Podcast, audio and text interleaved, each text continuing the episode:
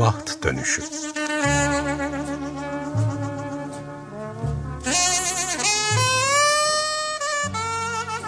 Kısa öykü okumaları ve büyüme biçimleri Hazırlayan ve sunan Ayşe Görür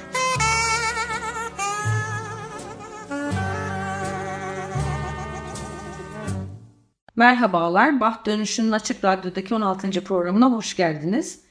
Baht Dönüşü'nü hem programın kendi Instagram ve Twitter hesaplarından et Baht Dönüşü hem de Açık Radyo'nun web sitesinden takip edebilirsiniz.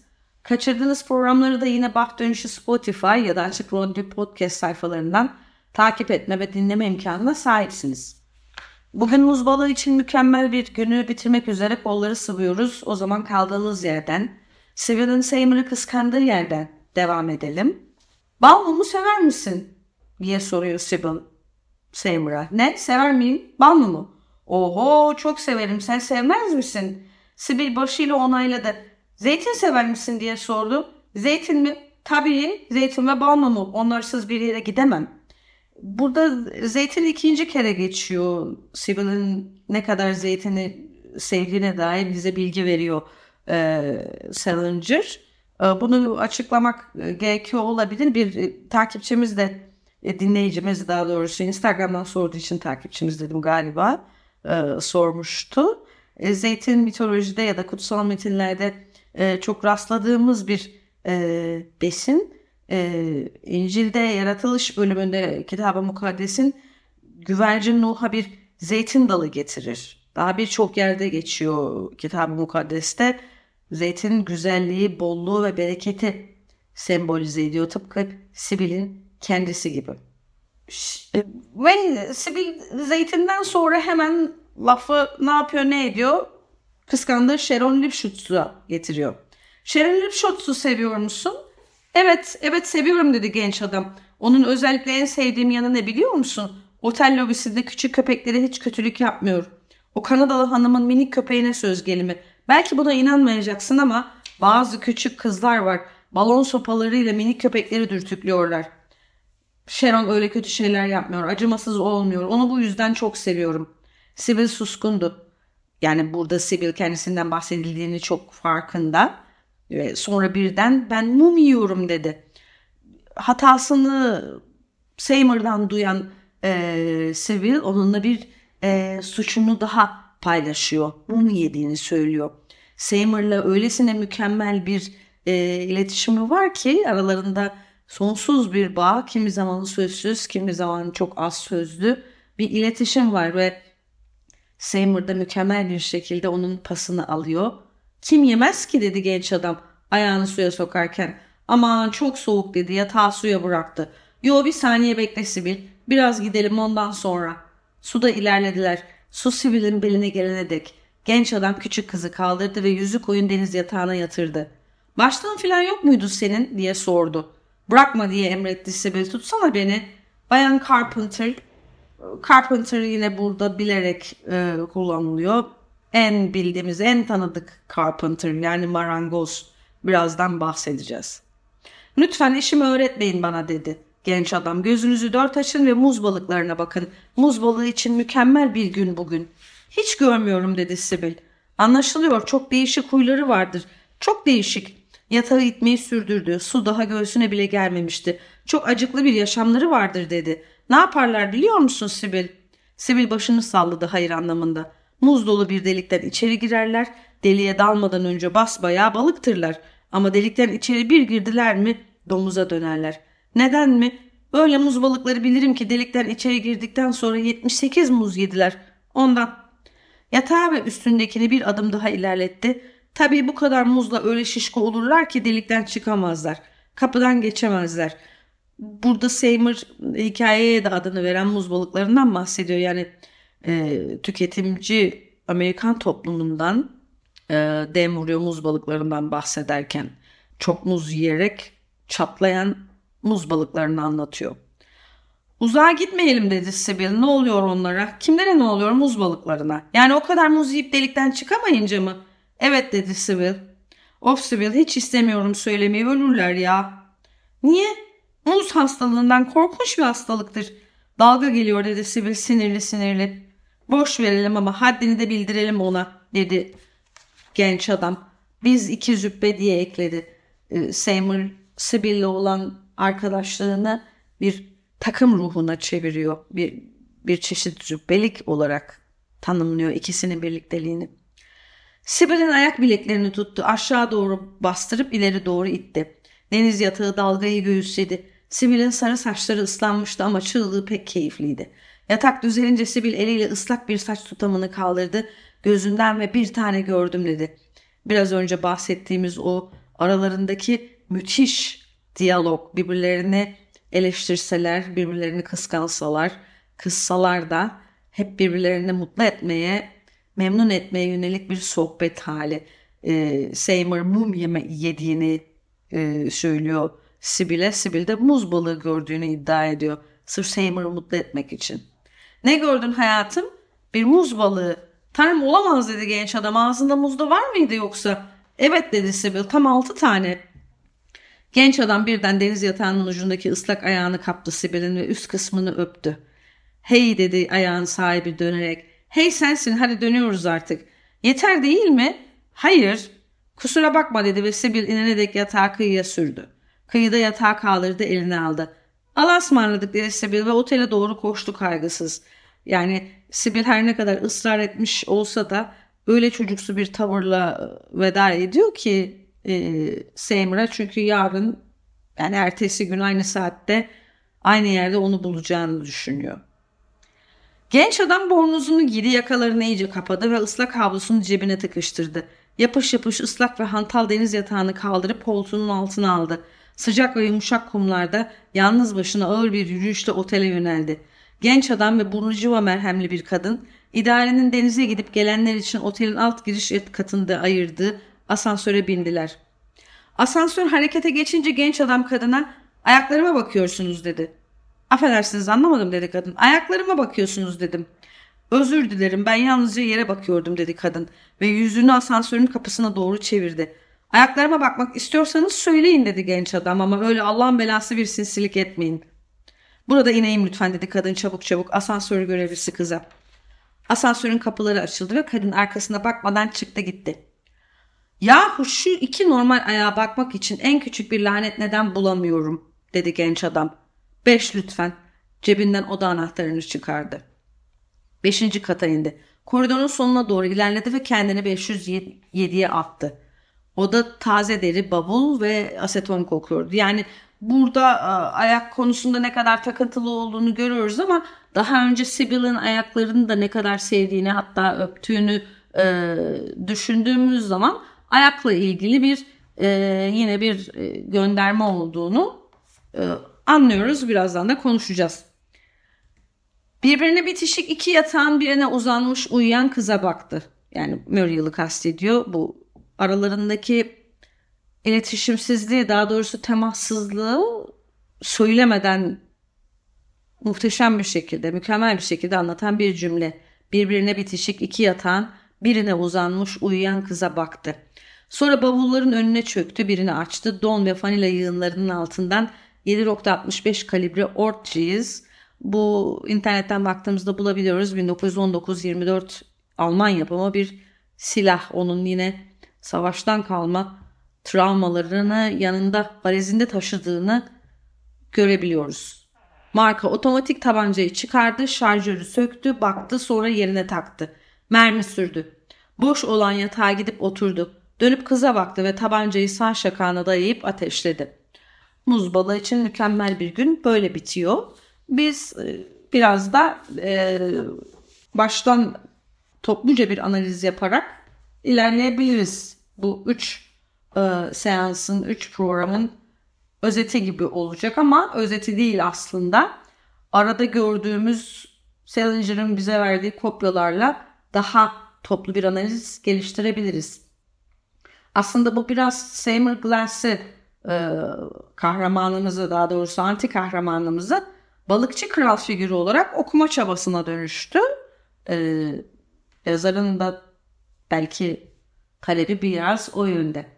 O zaman şuradan başlayalım. Benim Salinger'ın T.S. Eliot'e gönderme yaptığını, daha doğrusu bir gönderme olduğunu fark edip araştırdığım an e, yani bir çorak ülkeden bir dizeyle karşılaştığımı fark ettiğim yere dönelim. Çorak ülkeden bir dizeyle karşılaştığımı fark etmemiştim açıkçası. Sadece bir tuhaflık olduğunu sezmiştim. Yani Seymour, Sibyl'e bellek ve istekler hepsi bir arada. Öyle tuhaf bir şekilde giriyor ki bu cümle internete girdiğimde bunun aslında çok da iyi bildiğim şiirin tamamını değil ama girişini çok iyi bildiğim çorak ülkenin girişinde birebir olduğunu öğrendim. April is the cruelest month breeding, lilacs out of the dead land mixing, memory and desire stirring, dull roots with spring rain. Burada Salinger memory and desire'ı yani e, hafıza, bellek ve arzuları direkt almış, gönderme yaptığını da çok açık belli ediyor. En zalim aydır Nisan, leylaklar bitirir ölü topraktan, hatıraya karıp arzuyu, coşturur körelmiş kökleri bahar yağmuruyla. Salinger'ın Elit'a yaptığı bu gönderme ilk değil aslında. Muz balığı için mükemmel bir günden önce yayınlanan e, birkaç e, hikayeden birinde Salinger yine Elliot'la açıktan bir diyaloğa girmiş. Bu öykülerden biri e, tersine dönmüş orman. Bu da belki bir e, bir şey çağrıştırır size muz balığı için mükemmel bir günü okuduysanız. Çünkü e, bir yerde e, Sibyl'e nerede oturduğunu soruyor. Cheryl Lipstone'la e, yani o kıskandığı kız var ya onun nerede oturduğunu bildiğini söylüyor. E, Sibyl'e de bir meydan okuyor e, açık açık. E, Sibyl ona Whirlwood Connecticut'ta oturduğunu söylüyor. Whirlwood tıpkı tersine dönen orman inverted forest diye çevrilmiş ama aşağı yukarı aynı anlama geliyor ve Seymour orada yine okuyucuya enteresan bir cümle bırakıyor. Bunun her şeyi ne kadar iyi açıkladığından hiç haberin yok dedi genç adam. Yani açık açık Elliot'la atıştığını söylüyor bize. Bu hikayede yani inverted forest tersine dönmüş ormanda e, şair Raymond Ford'un öyküsünü anlatır e, Salinger. Ford'un öyküdeki şiirlerinden biri şöyle diyor. Çorak ülke değil, tersine çevrilmiş büyük bir orman, tüm bitki örtüsü yer altında. Dolayısıyla Salinger'ın modern dünyanın yüzeysellik ve amaçsızlıkla dolu bir çorak ülkeye dönüştüğü konusunda Eliot'la aynı fikirde olduğunu söyleyebiliriz ama tepkisi ya da yöne, önerisi aynı yönde bir Hayır değil. E, çünkü o tersine orman öyküsünden anladığımız kadarıyla Eliot'ın şiiri okuyucuyu bir değişiklik yapmaya davet ediyor. Çünkü Çorak İlke'nin sonundaki İsavari figür balıkçı kral şunu söylüyor. Soruyor daha doğrusu. Hale yola koysam hiç değilse şu topraklarımı yani bir şekil düzen versem mi? Salinger'ın çorak ülke vizyonu ise güzelliğin yalnızca yüzeyin altında bulunduğu ters çevrilmiş bir orman. O yüzeyde bir değişikliği savunmuyor Eliot gibi. Daha çok alttaki gizli güzelliğin keşfedilmesini öneriyor. Tıpkı Sybil gibi. Seymour bir anti kahraman onun çevresiyle etrafındaki insanlarla bağını koparan, hakikat duygusunu hassaslaştıran ya da çarpıtan ise içinde olduğu sahte dünya. Bu anti kahraman tanımı ile İsa figürü arasında açık bağlantılar var öyküde. Ancak bu bağlantılar hiçbir zaman Seymour Glass'ın, Sibyl'ın tanımıyla Seymour Glass'ın ve onun intiharının birebir kapsayan, e, birebir örtüşen nitelikte değil. Seymour'ı bir İsa figürü olarak okuyabiliyoruz ancak o yüzeysel dünyaya düzene koymanın peşinde değil. Eliot'tan farklı bu anlamda. Dünyanın gizli güzelliğini arıyor ve bu teselliyi Sibyl'in masumiyetinde buluyor. Salinger'ın 50 Temmuz balığı için mükemmel bir gündeki ilk e, göndermesi yine Sybil Carpenter'ın ismi vesilesiyle. Çünkü çorak ülke e, çorak ülkede Apollon tarafından sonsuz yaşam bahşedilen ancak sonsuz gençlik istemeyi unutan kahin Sibyl'e atıfta bulunarak başlıyor Eliot. Ona Sibyl ne istiyorsun diye soran çocuklara Sibyl ölmek istiyorum diye cevap veriyor. Çünkü sonsuz hayatı elde etmiş olmakla birlikte aynı hızda yaşlanıyor. Burada Salinger bir de oyun yapıyor. Yani Edison Sibyl'i e, yazış biçimiyle, kullanış biçimiyle Salinger'ınki tam tersi. Yani I ve Y'ler yer değiştiriyor ki bu iki isim de kullanılabilir. İki ismin de doğruluğu mümkün. Dolayısıyla burada bir tezat yaratıyor bize Salinger. İkinci ve en kuvvetli olan göndermeye gelirsek Çorak Ülkenin ilk satırlarını hatırlayalım. Biraz önce okuduk. Eliot yeniden doğuş zamanı olduğu için bahar ayını acımasız olarak nitelendiriyor. Ancak yeniden doğuş her zaman kesin değil ona göre. Bitkiler her yıl yeniden canlansa da insanlık ve yarattığı kültür bu kadar döngüsel değil. Eliot insanın yüzeysel bir toplumun ağırlığı altında çöktüğünü ifade ediyor pek çok yerde. Çorak ülke bir dizi kasvetli görüntü ve sahneyle bu düşüşü vurguluyor ve şiir bu boşa giden dünyanın nasıl düzeltileceği sorusuyla son buluyor. O zaman Salinger'ın yaptığı bir balıkçı e, kral göndermesine bakalım. Dediğim gibi e, en kuvvetli göndermesi. Önce Eliot'a bakalım. Çok özür dilerim. Önce Eliot'a bakmak gerekiyor. Eliot çorak ülkeyi balıkçı krala gönderme yaparak bitiriyor. Biraz önce bir dizesini okumuştum. Kıyıda ardımda kıraç ova hale yola mı koysam hiç değilse şu topraklarımı. Londra köprüsü yıkılıyor, yıkılıyor, yıkılıyor. Yani London bridges falling down, falling down, falling down'la biraz dalga geçiyor burada Eliot. Arkasındaki çorak araziyle birlikte figürün dünyayı düzeltip düzeltmemesi gerektiğine karar vermesi gerekiyor.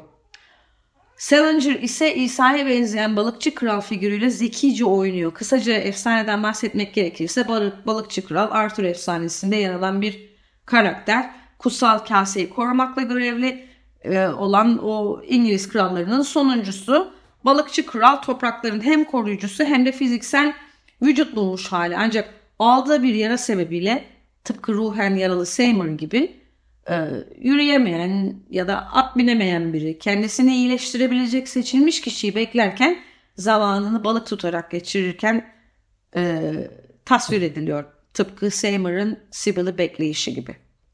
Hikayenin versiyonları çok çeşitli ama Sibyl ve Seymour'a geri dönersek onların buluştuğu yere, karşılaştığı yere e, balıkçı kulübü olarak tanımlıyor e, Salinger o bölümü, o bölgeyi, o alanı. Bu da pek tabii ki tesadüf değil.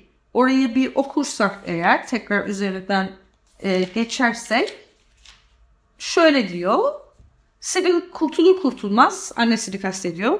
Hızla aşağıya plaja doğru koştu ve balıkçılar kulübü yönünde yürümeye başladı. Islak ve yıkılmış bir şatoyu ayağıyla dağıtmak için orası bizim dünyamız işte Sonra yürümeye devam etti. Otel müşterilerine ayrılan bölgeden çıkmıştı bile.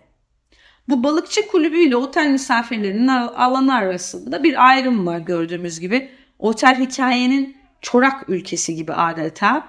ıslak çökmüş kalenin bulunduğu yer. Seymour ve Sybil ise bu çorak ülkeden kaçan az sayıda kişiden ikisi. Bu kısımdan sonra hikayenin başı ve Seymour'un karısı Muriel'ı anlatan ilk paragraf çok daha belirgin bir anlam kazanıyor. Otelin üçkağıtçı reklamcıların tekelinde olarak tanımlanması, Muriel'ın otelde tanıştığı ve Seymour'un tuhaf davranışları konusunda danıştığı e, psikiyatrist, Seymour'un zamanını okyanus odasında piyano çalarak geçirmesi ve Sibyl'in saflığı. Salinger otelin yüzeysel konukları ile Sibyl ve Seymour'un bozulmamış dünyası arasında ikiliyi geliştirmek için çeşitli motiflere başvuruyor. Bunlardan biri bronzlaşanlar e, ve asla bronzlaşmayanlar Muriel ve asansörde Seymour'un sinirlendiği kadın bronzlaşanlar örneğin e, oysa Sybil ve Seymour ise güneşten korunuyor. Henüz yanmamışlar. Bu ateşle ilişkilendirilebilecek bir karakteristik belki de. E, Sibyl'in e, kanada benzeyen sırtını tasvir edişi ise zaten e, orada onu atfettiği anlamı daha da kuvvetlendiriyor. O cümleye bakarsak Annesi Siba'nın omuzlarına güneş yağı sürüyordu. Minik iki kanat gibi çıkmış omuzundaki ince kemikleri yayarak. Bir başka kontrast ise mavi ve sarı renkler arasında Seymour Seymour'ın aktif olarak geliştirdiği bir muhalefet biçimi sanki. Okyanus suyu mavi ile ilişkilendiriliyor ve saflığı temsil ediyor. Muz balığı ise sarı renk ile negatifleşiyor. Kendi mayısı mavi hatta Sibyl'in sarı olan bikinisini bile bilerek mavi olarak tasvir ediyor ta ki Sibyl onu uyarana dek. Çünkü Sibyl ona göre su gibi. Sarı ise muz balığının kendilerini maddi dünyaya odaklayan, metaları artık yiyemeyecek duruma gelene kadar silip süpüren insanların rengi. Sibyl ve Seymour'un diyaloglarındaki doğallık hayranlık uyandırıyor. Konuşmalarının tamamı birbirlerini mutlu etmeye yönelik. Birisi e, mum yediğini itiraf ediyor. Diğeri muz balığı gördüğünü iddia ediyor. Dolayısıyla aralarında sonsuz bir muhabbet başlıyor. Ancak Seymour otelden içeri girer girmez işte o ayaklarına baktığını ve bundan rahatsız olduğunu e, ifade ettiği e, bölümü görüyoruz. Ölümüne yaklaştığının farkında. Yakında hem otelin yozlaşmışlığını hem de e, Sibyl'in masumiyetini ve saflığını geride bırakarak dünyayı terk etmek üzere. Burada yani ayakları olan ilgisinden bahsetmiştik. E, Sibyl'in ayağını da öpmesiyle birlikte bu ayakları olan ilginin balıkçı kralla da birlikte İsa'ya olan benzetmeyi göz önünde bulundurursak bir çarmıha gerilme anından sonra oluşan yaraları kastettiğini düşünebiliriz. Böyle yorumlayabiliriz. Yine bir başka benzetmeyle öyküye son verelim. Ee, burası çok enteresan. Sibyl babasının yakında geldiğini söylediğinde e, Seymour evet baban geliyor sonunda her an için bekliyordum onu. Zaten her an buradaki baba büyük harfle yazdığımız the father yani Tanrı baba. Burada iyice açık ediyor Salinger.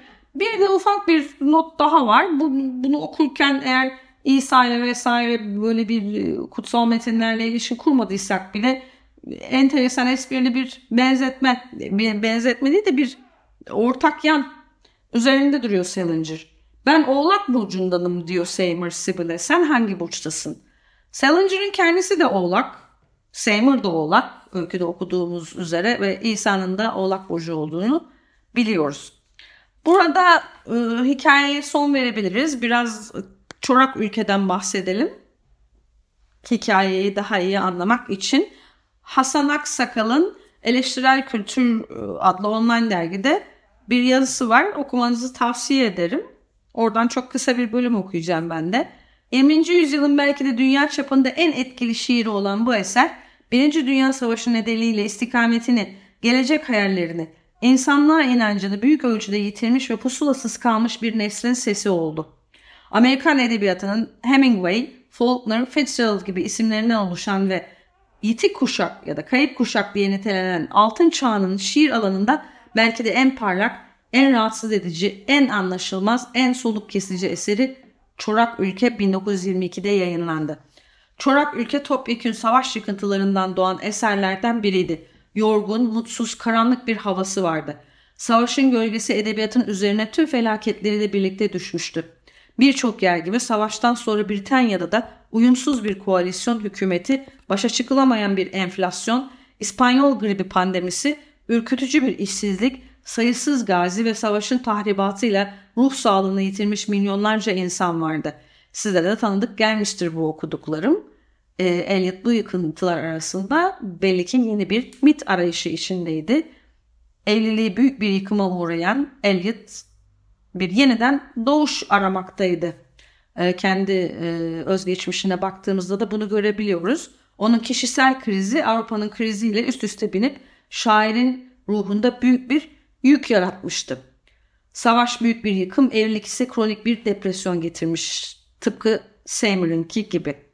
T.S. Eliot'ın çorak ülkesini analiz etmek e, beni fazlasıyla aşan e, bir konu ama e, okursanız ne güzel olur muz balı için bulunmaz bir günü, mükemmel bir günü anlamak açısından da çok faydalı olabilir. Burada hem Salinger'e hem de T.S. Eliot'a veda edebiliriz artık. Aslında bu hafta şarkı çalmayı düşünmüyordum ama geçen hafta programı o kadar istekli bir şekilde We Want the World and We Want It Now diye bitirmişim ki üstelik American Prairie bambaşka bir şarkıyı çalacaktım. Ama bugün yine Jim Morrison'dan madem geçen hafta öyle kapamışız When the Music's Over ile kapamak şart oldu. Bir de iki saat üstelik uzman kişi olarak Persian Nights diye düşünceye dalıp gittim ne demek istiyor diye Arabian Nights'ı yani Binbir Gece masallarını kastettiğini sonradan fark ettim.